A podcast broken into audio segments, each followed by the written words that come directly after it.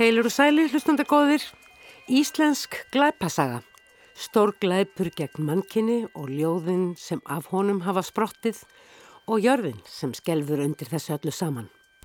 Og okkur hér og nú, á dagskrá þáttarins orðumbækur að þessu sinni.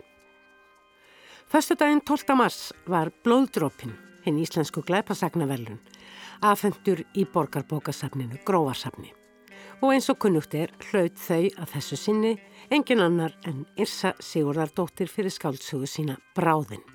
Við heyrum frá aðtöfninni og ræðum við þennan framúrskarandi glæpasagna höfund sem nú slettir blóðdrópanum í þriðja sinn. Í lókþáttarins kynnumst við svo stórmerkilegri bók sem kom út á dögunum hjá útgáfunni Garibalda EHF.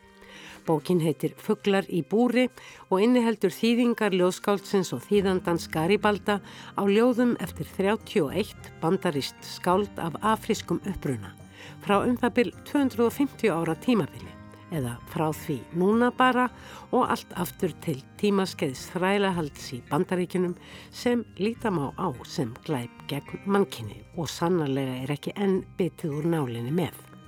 Garibaldi mætir í hljóðstofu eftir hálftíma. Við byrjum á skáldlegum hugleðingum um jarðskjálta.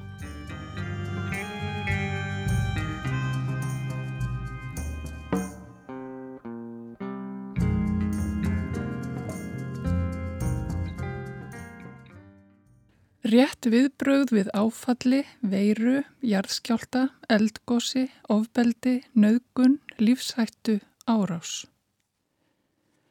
Hlaupa, garga, þeia, frjósa, flýja, frjósa, flýja, slökva á sér, sopna, vakna, öskra, rópa, bölva, dansa, skrýða, undir borð, upp á borð, halda í glukkakarma, sleikja rúðuna, brjóta speilin á baðinu, tæma ískapin, undir sæng, ón á sæng, ríða, fróa sér svo, Gráta í kottan á húðina í grímuna.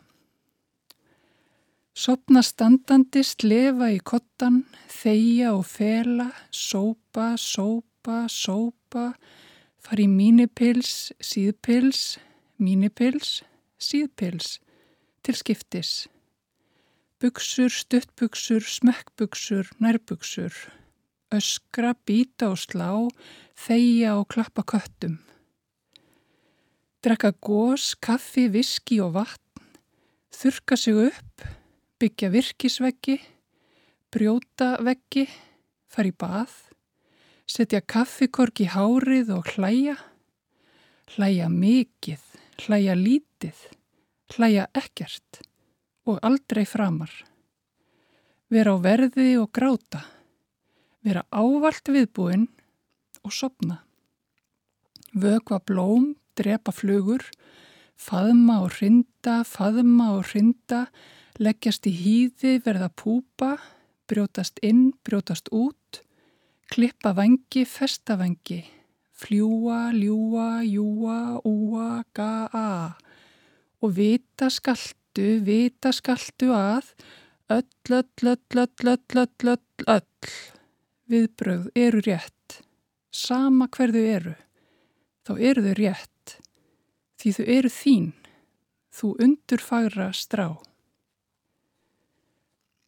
Já, þetta ljóð rauninni brust svolítið fram þegar það var járskjálti í oktober 2020 og þá stökki upp og hérna, hann var náttúrulega mjög öflugur og aðtöði með úrlingin minn sem að hafi komið sér undir skrippborð og svo setti ég svona til gamansmann ég eh, teksta eða svona eitthvað skilabóða á Facebook um að skipta fólki í tvent, þessum stökku og þessum sitja þegar vera járskjálti en bendi mitt á að úrlingurinn hefði syngt rétt viðbröð og þá var ég svolítið að hugsa mikið um þetta fyrirbæri rétt viðbröð og það eru, það sem ég er að kenna í framhaldsskóla, það eru plaggat upp á vegg þar sem að eh, með fyrirsögninni rétt viðbröð við eh, eldsúða Og það eru víða svona fyrirmæli um rétt viðbröð sem að ég ger ekki lítið úr því. Það er nöðsynlegt, örgulega, að svona vera búin að gera sér í hugalund eins og með þannig uh, áföll. Hvað, hvað maður, hvert ætla maður að fara mögulega og hvað vill maður gera? En svo þegar hólminn kemur þá eru viðbröðin bara alls konar og öll. Og ég held að þetta sé kannski og svolítið miklu leiti er að snúa útrúsu og jafnvel bara til hugrestingar fyrir þá sem hafa orði fyrir áfalli, það verða allir fyrir áfalli og svo sitjar uppi með skömmuna yfir viðbröðum sínum sem er bara svakalegt og, og þetta er svona hugresting bara um að, að öll viðbröð eru eðlileg í raunni og bara mjög opið. Takk fyrir Sigurlín Bjarni Gísladóttir. Takk. Ljóðið rétt við bröfið áfalli veiru, jarðskjálta, eldgósi, ofbeldi, naugun, lífsættu, árás byrtist í þriðja ljóðabrifi Tungsins árið 2021.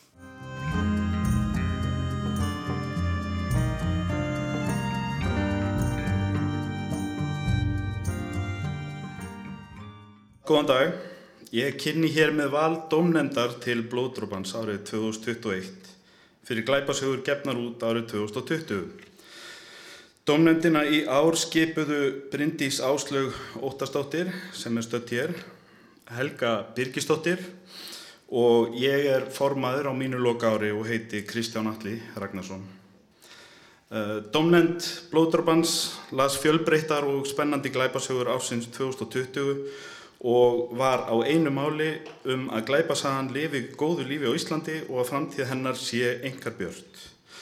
Fjöldi bóka í ár var með mesta móti sem okkur þótti sérstaklega ánægilegt með tilliti til aðstæðina og eru við vissum að lesendur voru sérstaklega þakkláttir fyrir aðþreyinguna á þessu ári 2020.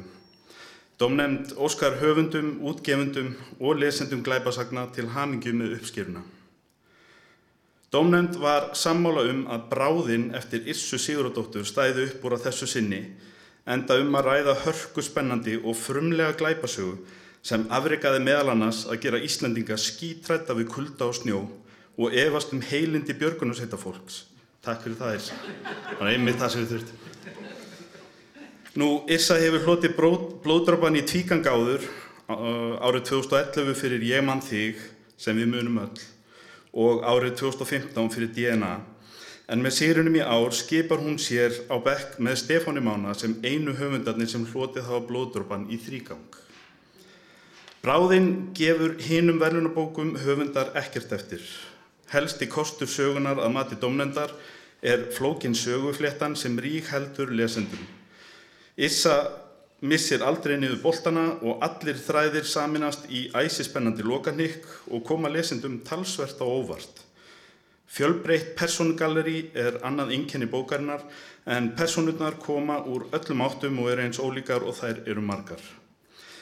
Í bráðinni veldi er Issa fyrir, því fyrir sér hvort fortíðin hætti nokkur sinni að leita okkur uppi.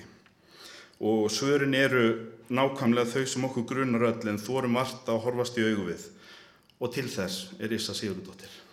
Til ham ekki Issa.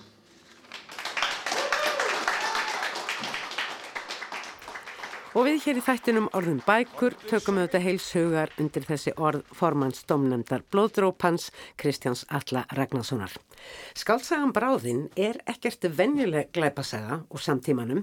Sagan segir frá ferð vinahópsinn á lónsöræfi um vetur Ekki frá því greint hvers vegna nákvæmlega hópurinn ákvaða enda sendast alla þessa leið nema að vera skilda að koma einhverju fúti í tilveru sína sem er orðin svona frekar endurtekningasöm hjá þessum fernum hjónum sem mynda hópin og eru, eins og segir í bókinni, fjáraslega sjálfstöð, velmentuð, hraust og smart en það er sama hvað allt er flott, gott og skemmtilegt, það verður leiðigemt til lengtar. Og fljótlega fáum við líka að slást í för með þessum fjóramanna hópi á samtleið sögumanninum en von bráðar þá fara að gera stundur á stórmerki því að hópurinn er horfin. Þessi tveir söguþræði skarast nefnilega ekki, er ekki samsíða heldur eru með viku millibili. Þannig að við erum líka með Björgunarsveitinni á Hortnafyrði og síðar einnig láreglunni því að það finnst eh, nakin kvenlíkami í snjónum, lík auðvita og það krefst rannsóknar. Þá er lesandin leiturinn í tilveru starfsmanns hjá landhelgisgesslunni, deildinni sem hefur aðsetur á Stokksnesi, Hjörvar heitir þessi einræni náungi sem hefur ekki samband við neitt nema köttinsinn, en hefur orðið fyrir ónæði af hringingum frá lestu hliðinu e, fyrir utan þessa fyrfirandi bækistöð bandaríska hersins. En enginn stendur hjá hliðinu og í símanum finnst Hjörvari óma bassrödd og þá er rétt að geta þess að ákveðu hús á höfni í hotnafyrði hefur verið selt og nýji eigandin notar einhverja ferð sína til höfuborgarina til að færa afkomendum gamla eigandans, fá eina hluti, þar á meðal bleikan barskó sem afkomandin förðar sig á því að þeir voru bara tveir og eru bræðurnir, enginn sýstir. Af öllu þessu má ætla að það er ímsa þræði að spinna í þessari sögu Hvar er fólki sem fór hún á Lónsörafi? Hvaða bassrödd er að kvaka í dýra síman í Stóksnesi? Hvaðan kemur þessi bleiki basskór? Og svo eru þarna stór hópur af personum úr ymsum áttum, björgunasveitamenn og lauruglumenn og, og svona kannski ákveðin tókst er þetta þarna á milli, svona eftir því hvar á landinu fólk er starfandi og bor hefur meiri völd og virðingu. Og það er líka tókst er þetta innan þessa hóps og samkeppni jafnvel uh, sem að fór inn á Lónsöðravið, þessi fínu hjóni sínum fínu göllum og yfir og allt um kring svífa svona möguleg hugreiningartengs lesandans við þið yfirnáttúrulega. Já, auðvitað sem staðfastan raunveruleikan sem að fer náttúrulega alltaf að spá í strax og maður byrjar að lesa glæpasögum. Höfundurinn Irsa er hingað komin til hamingu með þessa verðskulduðu viðkenningu Irsa ég vonu ég hef ekki gefið það mikið upp. Nei, nei, nei, nei þetta var bara fínt sko, þetta var mjög fínt. en ég spyrði sko, hvað er fyrsta hugmyndin? Fyrsta hugmyndin sprettur frá gömlu máli sem að eh, kom svo í fretti núna bara stutt eftir áramót aftur en þetta er 50 ára gömul svona saga, óleist ráðgáta um hóp af hérna, nefnum sem að fór í svona göngu yfir Úralfjöll og skilaði sér ekki að því lokna og fundust öll látin meira minna eða bara þau öll látin hérna. og engin veit hvað og engin veit hvað gerðist sko, Já, þau lendi snjóflóði mm. sko. Við fáum nú að vita hvað gerðist þó það kannski já. Eh, sé ekki endanlega til líkt að leitt hvað ég segja ofinberlega Nei, emið, það, já, akkurat það, hérna, það er eiginlega ekki bóðið sko að skilja eftir sko bara var, sem væri Það er volið þægilegt fyrir, fyrir höfundin að þú getur bara sett upp ykkur stórfurlar kringustæður og svo bara skilur það eftir bara engi veit. En það er nú ekki svo. Þannig, hérna, þannig ég, og þetta er ekki um þennan rúsneska hóp þetta er bara byggt Nei, á þessari um svona, það er svona frægið að sögunni. Og svo, svo hérna svo var ég í matabóði þetta var að byrja heima hjá útgefundunum mínum og hann hafi fengið svona sendingu að vera að selja æskoheimilans og, og þeir sem keftu komið með baskó sem hefði fundist í loðinni þannig að þaðan kemur súhugmynd mm. og, og svo púsla maður sekundin saman og hérna Á. og ratsástöðun kom, það var hérna koni sem var að vinna með mér á verki sem saði mér að ég yrði að fara þarna og þetta væri bara frábær staðu til að vera með eitthvað svona já. eitthvað svona óhugnarlegt og, og, og, og jafnvel yfirnáttúrulegt sæki að manni svona hér eru einhverjir á sveimi já. og eitthvað þannig ég tók þess að þrjá þræði og svona bjóð til, til tengda sögu þó að það skýrist nú ekki kannski fyrir nýlókin mm. hvernig þetta allt saman tengist. Þú hefur eh, stundum haft á orðið að þú setir þetta bara kleinlega verkfræðingur upp í Excel-skjál sko þræðina og sjáur hvernig þetta getur krossast já. og síðan getur byrjað að bylla. Já, svo getur byrjað að bylla en hérna, já þannig að þetta er, þetta er oft sko svolítið flókið að halda auðvunum alla þræði, það, það er svolítið vant að að klára og munna þá eftir að maður hafi, þú veist, glimt ykkur eða einhver starf páagaugur sem að lokaðist inn í herbergi. Já, akkurat. Já, Já akkurat.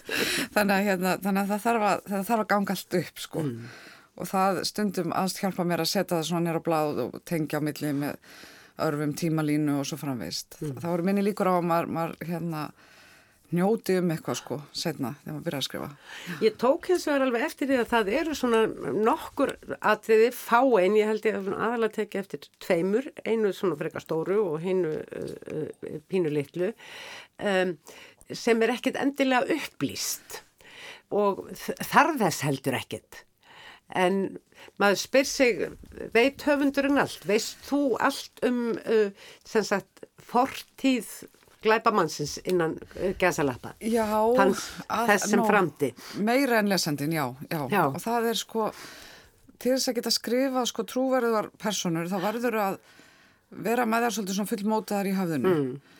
Sumir höfundar sem að, hérna, ég þekki búa til sko bara æfisögu hverja einustu persón sem kemur fyrir í bókinni.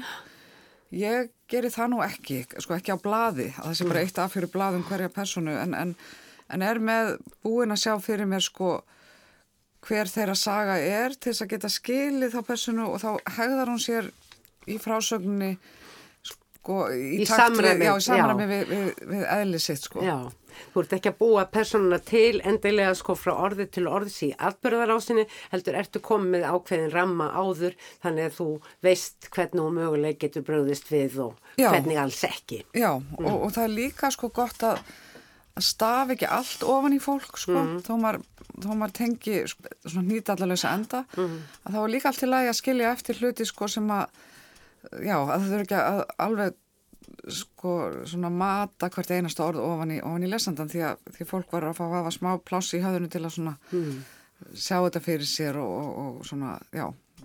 Og þú veist sér líka hver opnaði dittnar hjá ákveðinu fólki. Já, já, já, já, já, já. Ég, það kannski kom það fram því að það vill nú líka þannig til að þegar að maður les glæpasögu þá les maður oft hraðar heldur en maður getur Já, af jú, því maður jú. er svo spenntur Já. og það er alveg möguleiki að maður líka missi Einmitt. af hinnum ímsu vísbendingum. Hugsaðu um það, sko eftir á að heikja verður maður náttúrulega varfið ákveðna vísbendingar fyrr eh, sem Já. að komu fram sem að svo raðast upp undir lokin. Já, það, það er sko, það er ekkit mál þannig séð að, auðveldar að fela eitthvað fyrir lesanda ef þú veist hvað þú ert að fela. þannig að hérna, þannig ég gæti ekki, sumir geta skrifa glæpasögu, sess bara niður byrjað og, og skrifa, skrifa, skrifa og svo bara kemur í ljós í skriftunum hver, hvert, ég þarf að vita hvað ég er að fela og, og með því móti þá get ég sko komið hlutum að án þess að sem ég ábyrrandi þannig að þegar að þetta er allt upplýst að þá átt að fólk sjá hlutum sem að voru að gerast fyrir sem að, sem að hérna já, svona undirstinga þetta þessa lausn í lokin sko. Og þér finnst þetta gaman, þú, þú getur ekki látið vera. Ert með eina bók á ári alla jafna. Já, já, það er búið að vera í núna 16 ár Já. einn bók á ári, já, tvær í fyrra mér sér þannig að það var Já, já, barnabók líka, akkurat. Þú ert ekki alveg búin að gleyma því, það byrjaður, jú. Já, einmitt. En um, þú hefur verið svolítið með uh, svona uh, stakar, kannski eitt framhald. Ertu svolítið komin út í það? Nei, ég, sko, já, ég hef skrifað svona tvær svona serjur eða bókaflokka Já. fyr, fyrst um Þóru lagmann og svo um Huldar lagmann og Freyju Barnasalfræðing Og, svo svona stakar, svo svona stakar inn á hroll- milli, já. akkurat. og mér finnst þetta, þetta er búið þægilegt sko að breyta til og ég hérna einhvern veginn get ekki skrifað meir en sex bækur um sama fólki ég er bara búin að sjá það. Það er, það er Það langar til að kynast einhverjum nýjum. Og þegar að maður sko er að skrifa serju að þá svona kemur tíðanpúti sem er ó hvað ég vildi ég var að skrifa bók bara með einhver algjörlega nýju fólki og allt nýtt og eitthvað. Mm. Og svo þegar þú ert að skrifa nýtt þá er svo, ó hvað var gott þegar ég var að skrifa serju þá ætti ég ekki að byrja á að finna upp allt fólkið Mm. og útskýra allt fólkið og svo framvegis. Þannig að þetta hefur svona sína kost og galla. En til þess held ég að halda sér svona ferskum og, og eitthvað að þá, þá er það gott fyrir mig allavega að, að skipta svona um, vera ekki alltaf sko já, alltaf einhvern veginn í því sama. Ég getum nú ekki annað en spurti svona í lokin, var þið stundum kallt þegar þú varst að skrifa? Já, já, já, já, já. Og þetta hérna, Það er mikill snjór. það er mikil snjór og, og, og, já, og mikil svona, já, óvægið veður, skulum segja, óvægna vegnar aðstæður hann, sko. Þú Þannig, gefur okkur þér alveg tíma til þess að svona breyða svolítið úr þessum hvíta, þessu hvíta tómi. já, og, þa- og það skiptir svo miklu máli, sko, í svona sögu það er, sko, að, að skapa umhverfið sem þetta er að gerast í, að, að búa til svona sviðið, sko, og, og, og skapa stemningu sem að, sem að þetta, hérna, það, já, sem að þetta er ræðilega vetrar umhverfi hérna. Man langar ekki útilegu um hávetur. Ó nei, ó nei. Og ég nota oft sko þegar ég er að að hugsa sko, hvað myndi ég alls ekki vilja myndi gerast fyrir mig sko. Þetta myndi ég alls ekki vilja að gerast fyrir mig. Mm. En ertu með til dæmis ákveðin hús og stóksnes og, og, og bækistöð, fyrirverandi bækistöð bandaríska hersins, þetta er náttúrulega hús sem eru til. Já, já, já, ég fór þarna, þeir tók alveg afskapla vel á móti mér og hérna síndi mér allt og þetta, já, þannig að mér, mér á líka svolítið erfitt með að skrifa um sko raunverulega staði ef ég hef ekki farið á þá, já. þá er sko hægt við að maður einhvern veginn missi af já, bara, maður þarf að sjá þetta í þrývít, sko, það er ekki ná að skoða bara myndir á netinu eða eitthvað vídeo eða, eða lesa bækur um mm. stað, maður þarf að fara, sjá það í þrývít heyra hljóðin sem er í umhverfunu finna lyktina og allt þetta, sko mm. og þannig að þeir voru alveg já, meiri hátar sem tók á mótu mér þar og síndi mér allt þannig inn og út Einmitt. Ertu konar stað með næstu bók? Já, já Það er bara allt á fullu. Allt á fullu, já. Það var tvær aftur núna, þannig að ég er að lofa því að vera með tvær. Bönn og fullörnir. Bönn og fullörnir, já. En gaman. En og aftur hjartanlega til hamingu Irsa Siguradóttir með glæpasöguna Bráðin æsi spennandi trillir. Takk fyrir.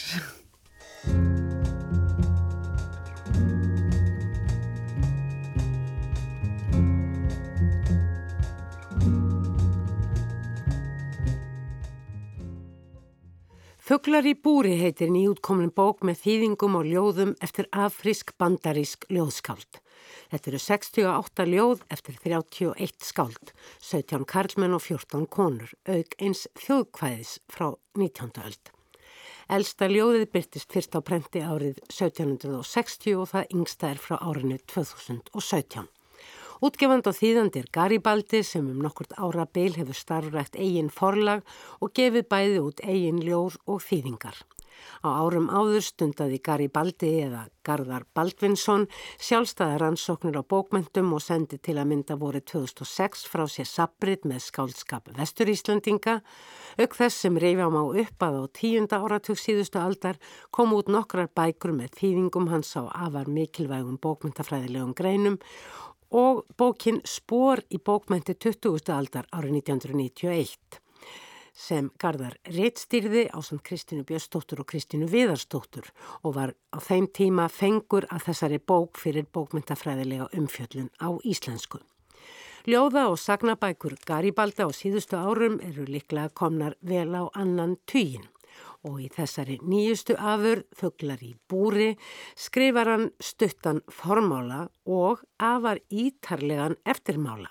Þar sem rakin er saga svartra bandaríkjamanna, allt frá því að kvítir Vesturlanda búar í byrjun 16. aldar hófuð að fylla skip sín af svörtum manneskum sem þeir litu á sem dýr eða eins og segir í bókinni, strax þegar fólkið hafði verið handsamað í Afríku og var flutt til skips, var byrjað að afmennskaða, eigða öllu sem kallast mannlegt í farið þeirra, undirbúa þau fyrir tilveru sem vinnu dýr til þrælkunar í löndum nýja heimsins. Þessi 30 síðuna eftir máli Garibalda er holl og upplýsandi lesning um sögu svartra í bandaríkunum. Allt frá tölfræðu um fjölda þeirra sem fluttur var þessum álfu fluttningum til greinagóðrar frásagnar af menningasögu svartra, bókmyndum þeirra og tungutaki sem og eilífri baráttunni fyrir bættum kjörum og jöfnum rétti. Með rætur sínar í ánöðinni og sem litar líf þessa stóra hluta af íbúum bandaríkjana enn þann dag í dag. Þá er í bókinni listi yfir uppruna hvers ljóðs fyrir sig, hvar það byrtist fyrst, sem og nokkur orð um hvern höfund. Þetta er feikilega mikið verk, Garðar Baldvinsson.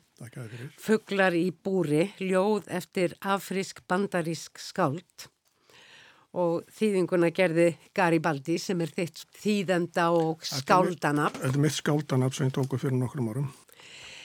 Þú hefur ju þýtt mjög mikið í gegnum tíðina, bæði eh, ljóð og skáldsögur og, og skrifa fræðibækur og svo framvegis eins og ég gatum á þann. Þetta er gríðarlega efnismikil bók eins og kannski ljóst má vera af tímanum, fjölda skálda og svo framvegis. Og bara umbrótonum sem að hafa átt sér stað á þessum tíma. Hvað ertu búin að vera lengi að vinna að þessu? Já, það er náttúrulega spurning. Ég, ég hef fengist í ljóðaþýðingar frá niður í mörg ár og uh, það var árið 2017 sem ég fór að formúlera fyrir mér eitthvert svona verk sem ég upphæfi átti bara að vera svona pínrýtt í síni svona því sem hafi verið gert á síðustöld og svona á, á þessar öld. En uh, þetta þróaðist bara yfir í það að ég með langaði til að uh, gefa einhvers konar yfir sín yfir þetta tíðanbíl. Það er að segja hvað svart fólk hefur verið ekki hvaða hefur verið að fást við heldur að það hafi verið að yrkja í svart fólk í bandaríkjónum í þetta eins og þú segir 250 ár og ef ég ætla að gefa sko yfirlit yfir hvað svart fólk hefur að fást við í lögagjur, þá mm. hefur berkið orðið þúsund eða 5.000 eða 10.000 blaðsöður. Mm. Þannig að smám saman þróaðist þetta meðal annars að mínum bara prívat skoðunum um lífa og tilveruna þá þróaðist þetta út í e, bæða því að ég sá í lögagjörðinni að það er verið að gera þetta að fást við ánöðina sem ég kalla sem viðvarandi viðfangsefni í ljóðagjörð. Jafnvel á 2001. Já, já, það er ekki, ekki þannig, það er ekki þannig að öll svört skált hafi bara fjallað um ánöðina, það er alls ekki svoleiðis, heldur er þetta bara viðfangsefni sumra skálda og, og, á tímum hefur þetta verið viðfangsefni næstu allra skálda og næstu fjöld skálda hafa einhverja liti, þar að segja svört skáldi í bandrækjan, hafað einhverja liti fjallað um þetta og þetta er enn í dag mjög kníjandi verkefni og uh, yngstu skáldin sem ég teki þessari bók, þau eru jafnvel að yrkja heilu bækurnar bara um ánöðar tíman eins og, mm. eins og skáldi eh, Shane McRae sem að, held að þessi 2015 gaf hann út bók sem heitir, mér minna heitir Language of my Captor, þar sem að hann er í, í grundvaldratriðum að fjalla um ánöðina og áhrifinnar í dag eh, fjallar um personur frá ánöðartímanum ungan dreng sem að þrælahaldari tekur í fóstur af mömmu sinni að þér virðist og uh, þannig að skaldi fær þarna alveg mjög góðan farveg fyrir pælingar um ánöðina eins og hún gerðist á sínum tíma. Þrælahaldarin er hvorki meira enn minna en eini fórseti Suðuríkjana, Jefferson Davis. En, en í, í öðrum þáttum í bókin er hann að varpa ljósi ánöðurinnar inn á samtíma sinn, það sem er að gerast í dag. Og ef maður skoðar bara umfjallanir ekki um ljóðagerina, bara fréttir af svörtu fólk í bandaríkjum í dag, þá er þetta alltaf að koma upp aftur og aftur að mm. ánöðin sé að byrtast í samskiptum við kvíta í dag. Bara út í búð og skrifstofum og svo framvegis. Joss Floyd var myrktur hérna og gæti ekki andað í nýju mínutur fyrir mörgum af afrískum uppröna í bandaríkjanum í dag þá var það bara táknmynd um meðferðina á svörtum allt frá ámeðinni. Mm. Þannig að það sem er að gerast í dag er oft tólkað sem byrtingarmynd ánöðarna. Þar sé að ánöðin hafi ekki, hafi ekki horfið heldur mm. formin myndin af henni hafi breyst. Þú skrifar hérna langan formálega Eftirmála. Eftirmála fyrir geðu, reyndar formála líka, en eftirmálin er mjög ítarlegt yfirlitt yfir, já, eiginlega sögu uh, svartra í vesturheimi, eh, aðalega í bandaríkjunum, nánast einverðungu, en það kom mér vissulega óvart hvað stór hluti þeirra Afrikubúa sem fluttir voru til Vesturheims enduðu til að byrja með þarna í upphafið þessara sögu í Söður Amríku í 45% í Brasilíu til dæmis Já. og svo framvegis. Og hvað lítið hluti í rauninni endaði í bandaríkunum þótt að vissulega kæmi síðan fleiri þangað í, í kjölfarið sunnan að, sannsagt frá uh, Seðri Amríkunni mm -hmm og allt fram á uh, okkar daga. Og, uh, og þú skiptir þessu svona tematist niður í tímabil og, og einnig svona bara kvennfrelsi um kúun, um goðsagnir, um svona ákveðin sögulega atvik. Og það sem að vakti eiginlega förðu mína hvað ég í rauninni vissi lítið og hafði lélegt samhengi í þessari sögu personulega og þess vegna held ég þessi eftirmáli sé afar mikilvægur. Og tengist þessu sem þú varst að segja núna rétt áðan um byrtingamindir ánöðarinnar og þessar sí endur tekni ekki uppreisn heldur, heldur upprisa. Það er svo oft sem að svartir hafa farið af stað. Martin Luther King og eh, gangan mikla er náttúrulega eitthvað sem að fóri gegnum heimspressuna og allir vita um og eh, en það er líka svo margt annað og líka svona listarinnar hreyfingar eins og Black Arts sem þú gefur ákveðið eh, rými því að í rauninni og láðin hver sem vil kannski hafa svartir svörtskáld, rítöfundar, jamt sem ljóðskáld, ekkert kannski verða að flagga því fyrst og fremst að þeir væri svartir heldur, fyrst og fremst að þeir væri skáld. Þetta er mjög mísjáft. Það er að segja hvort að, hvort að skáld eða fólk, svart fólk er að, er að hampa því að kynþættinum eða útlitinu, litaraftinu eða mennskunni að séu menn, mm. mannestjur eins og ég svona í að fullir á sömum stöðum í, í, í eftirmálunum að á, á tímabilum hefur það einmitt verið í, í sögu svartra í bandaríkjónum hefur það verið mikilvægt fyrir þá að benda á að þau séu svört og að þau séu mannestjur að því að svo ég tæki aftur samtíman að ef ég maður rétt að segja hérna bara af kápunni umfram allt snúast ljóðunum að líf svartra skipti raunverulega máli mm -hmm. sem er náttúrulega beinvísun í hreyfinguna Black Lives Matter sem að uh, sumir gaggrindu orðin fyrir að gera þá lítið úr lífi annara heldur en svartra en setningin og hreyfingin er einmitt til þess að benda á það að líf svartra skipti líka máli, að skipti mm. máli eins og líf allra annara. Þannig að það er fyrirfram áður en setningi verður til að gert ráð fyrir að líf annara skipti máli. Mm. Og það er það sem að eh, svart fólk hefur verið að fást við í gegnum tíðin og það er svona mismöndi hvað, hvað er leggja miklu áslaðu síðsvörd.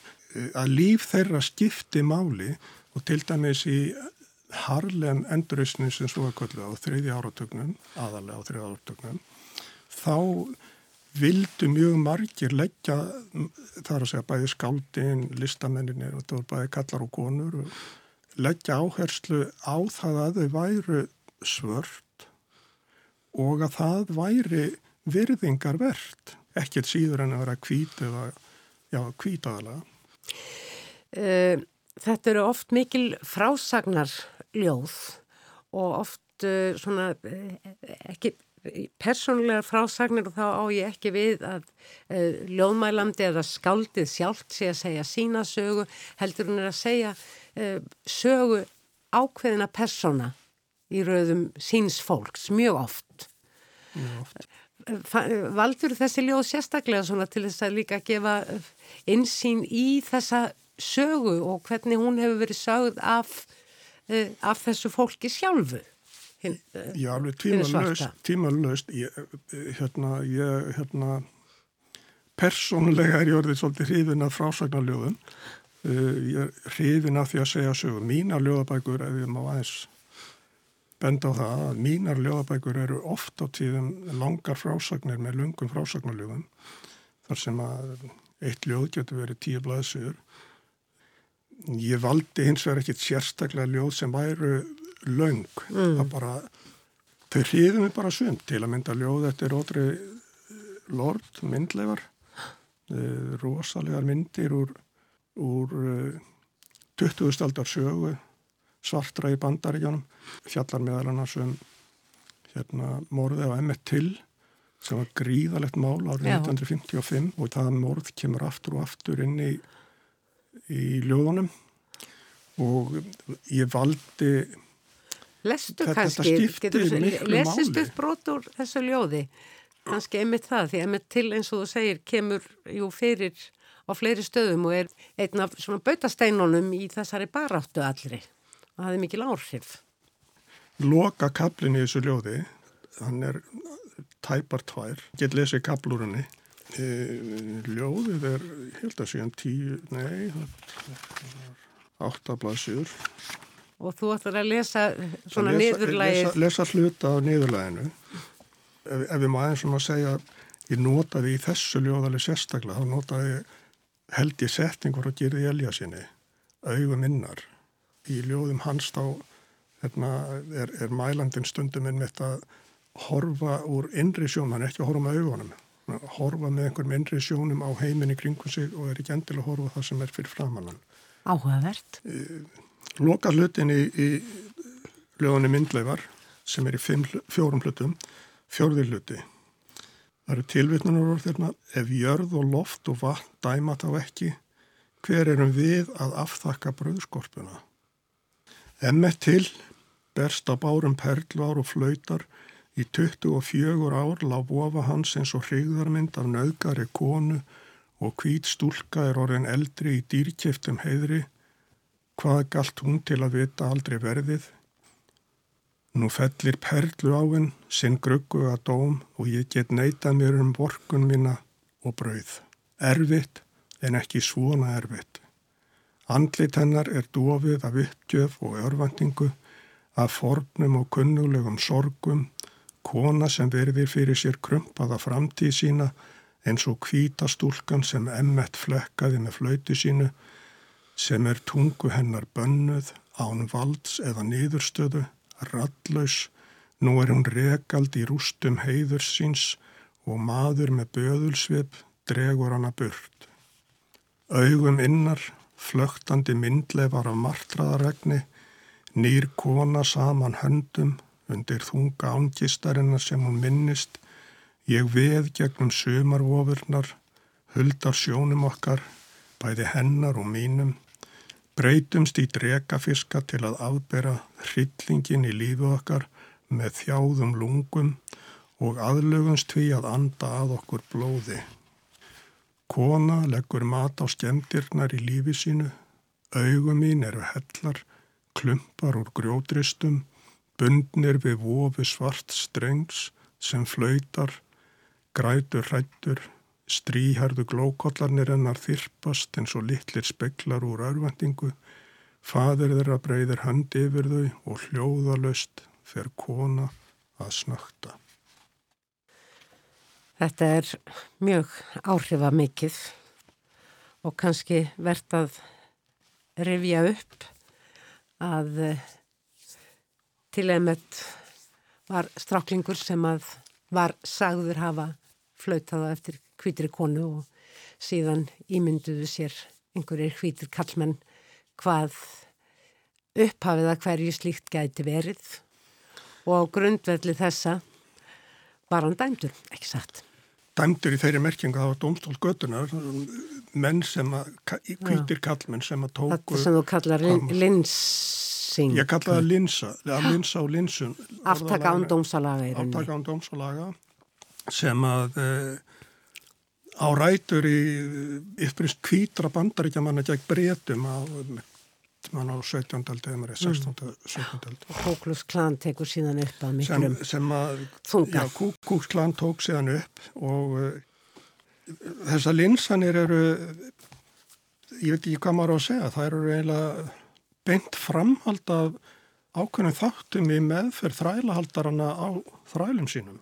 Það fjallir dómar á átjándu öld um það að þræla eigandi sem berði mannestu í ánuð til dauða hefði ekki fram með glæp sem þýtti það að, að þrælahaldari gæt lögformlega drepið mannestu í ánuð án þess að vera nokkuð tíman þurfa að sæta nefni ábyrð og uh, linsanirnar eru afsprengja af því. Það er það sem ennett til lendir í.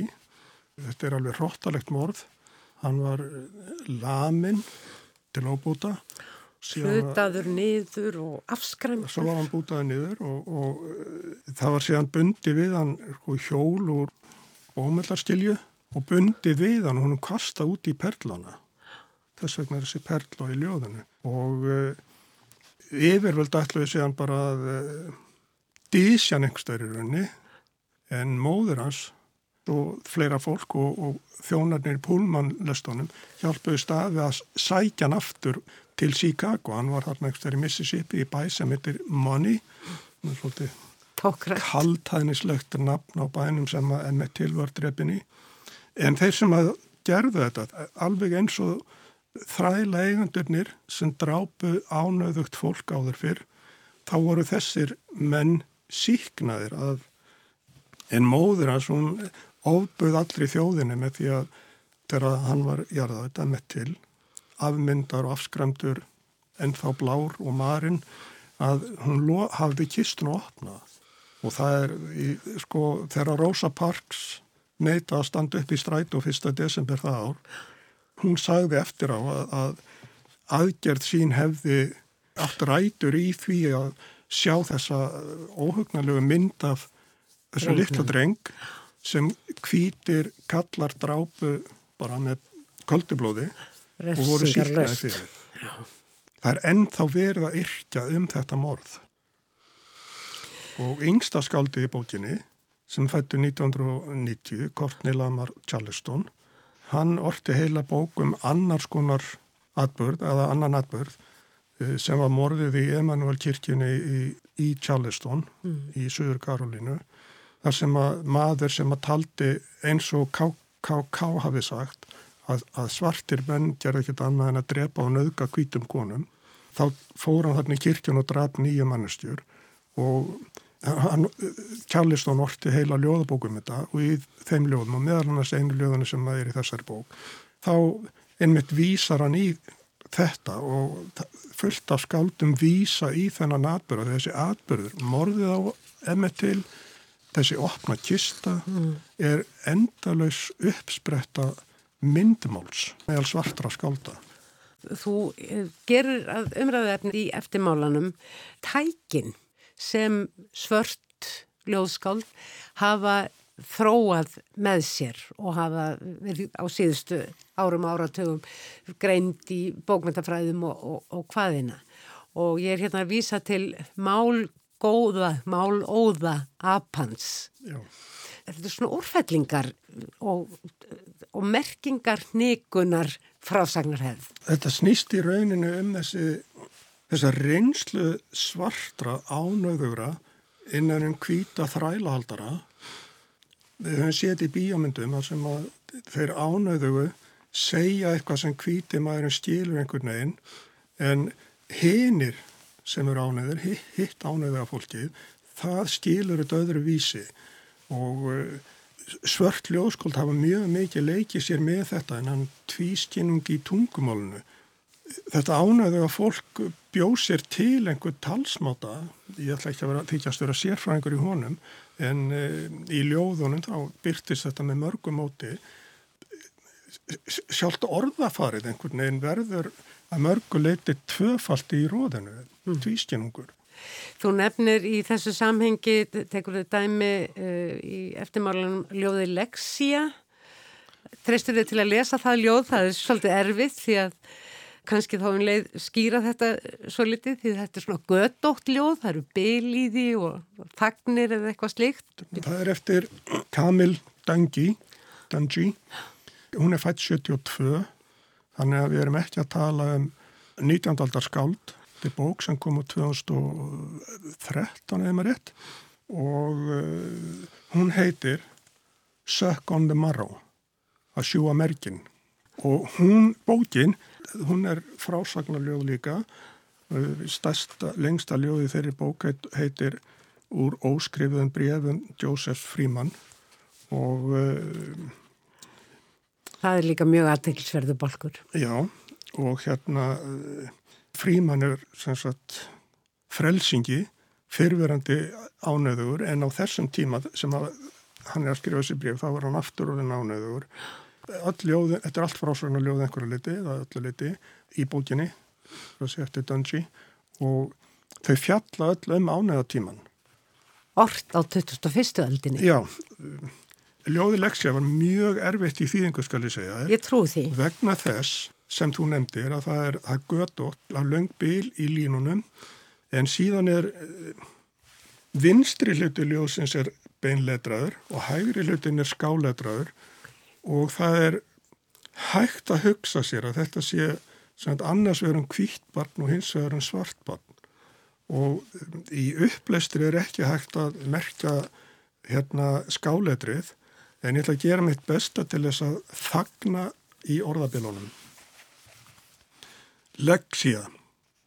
Barnið við brjóstið fær barn móðulífsins, jétur, dúkað borð, steik til matar, leifarnar, ljúfengar bögurnar, barn móðulífsins krýpur og kyngir, barnið við brjóstið skilur, von sem gefst aðeins þeim sem sígur, bestu mjölkina og heimtar störfin, merkin, yfir vinnutíman, nagar beinin. Þetta er líka ótrúlega áhrif að mikið ljóð.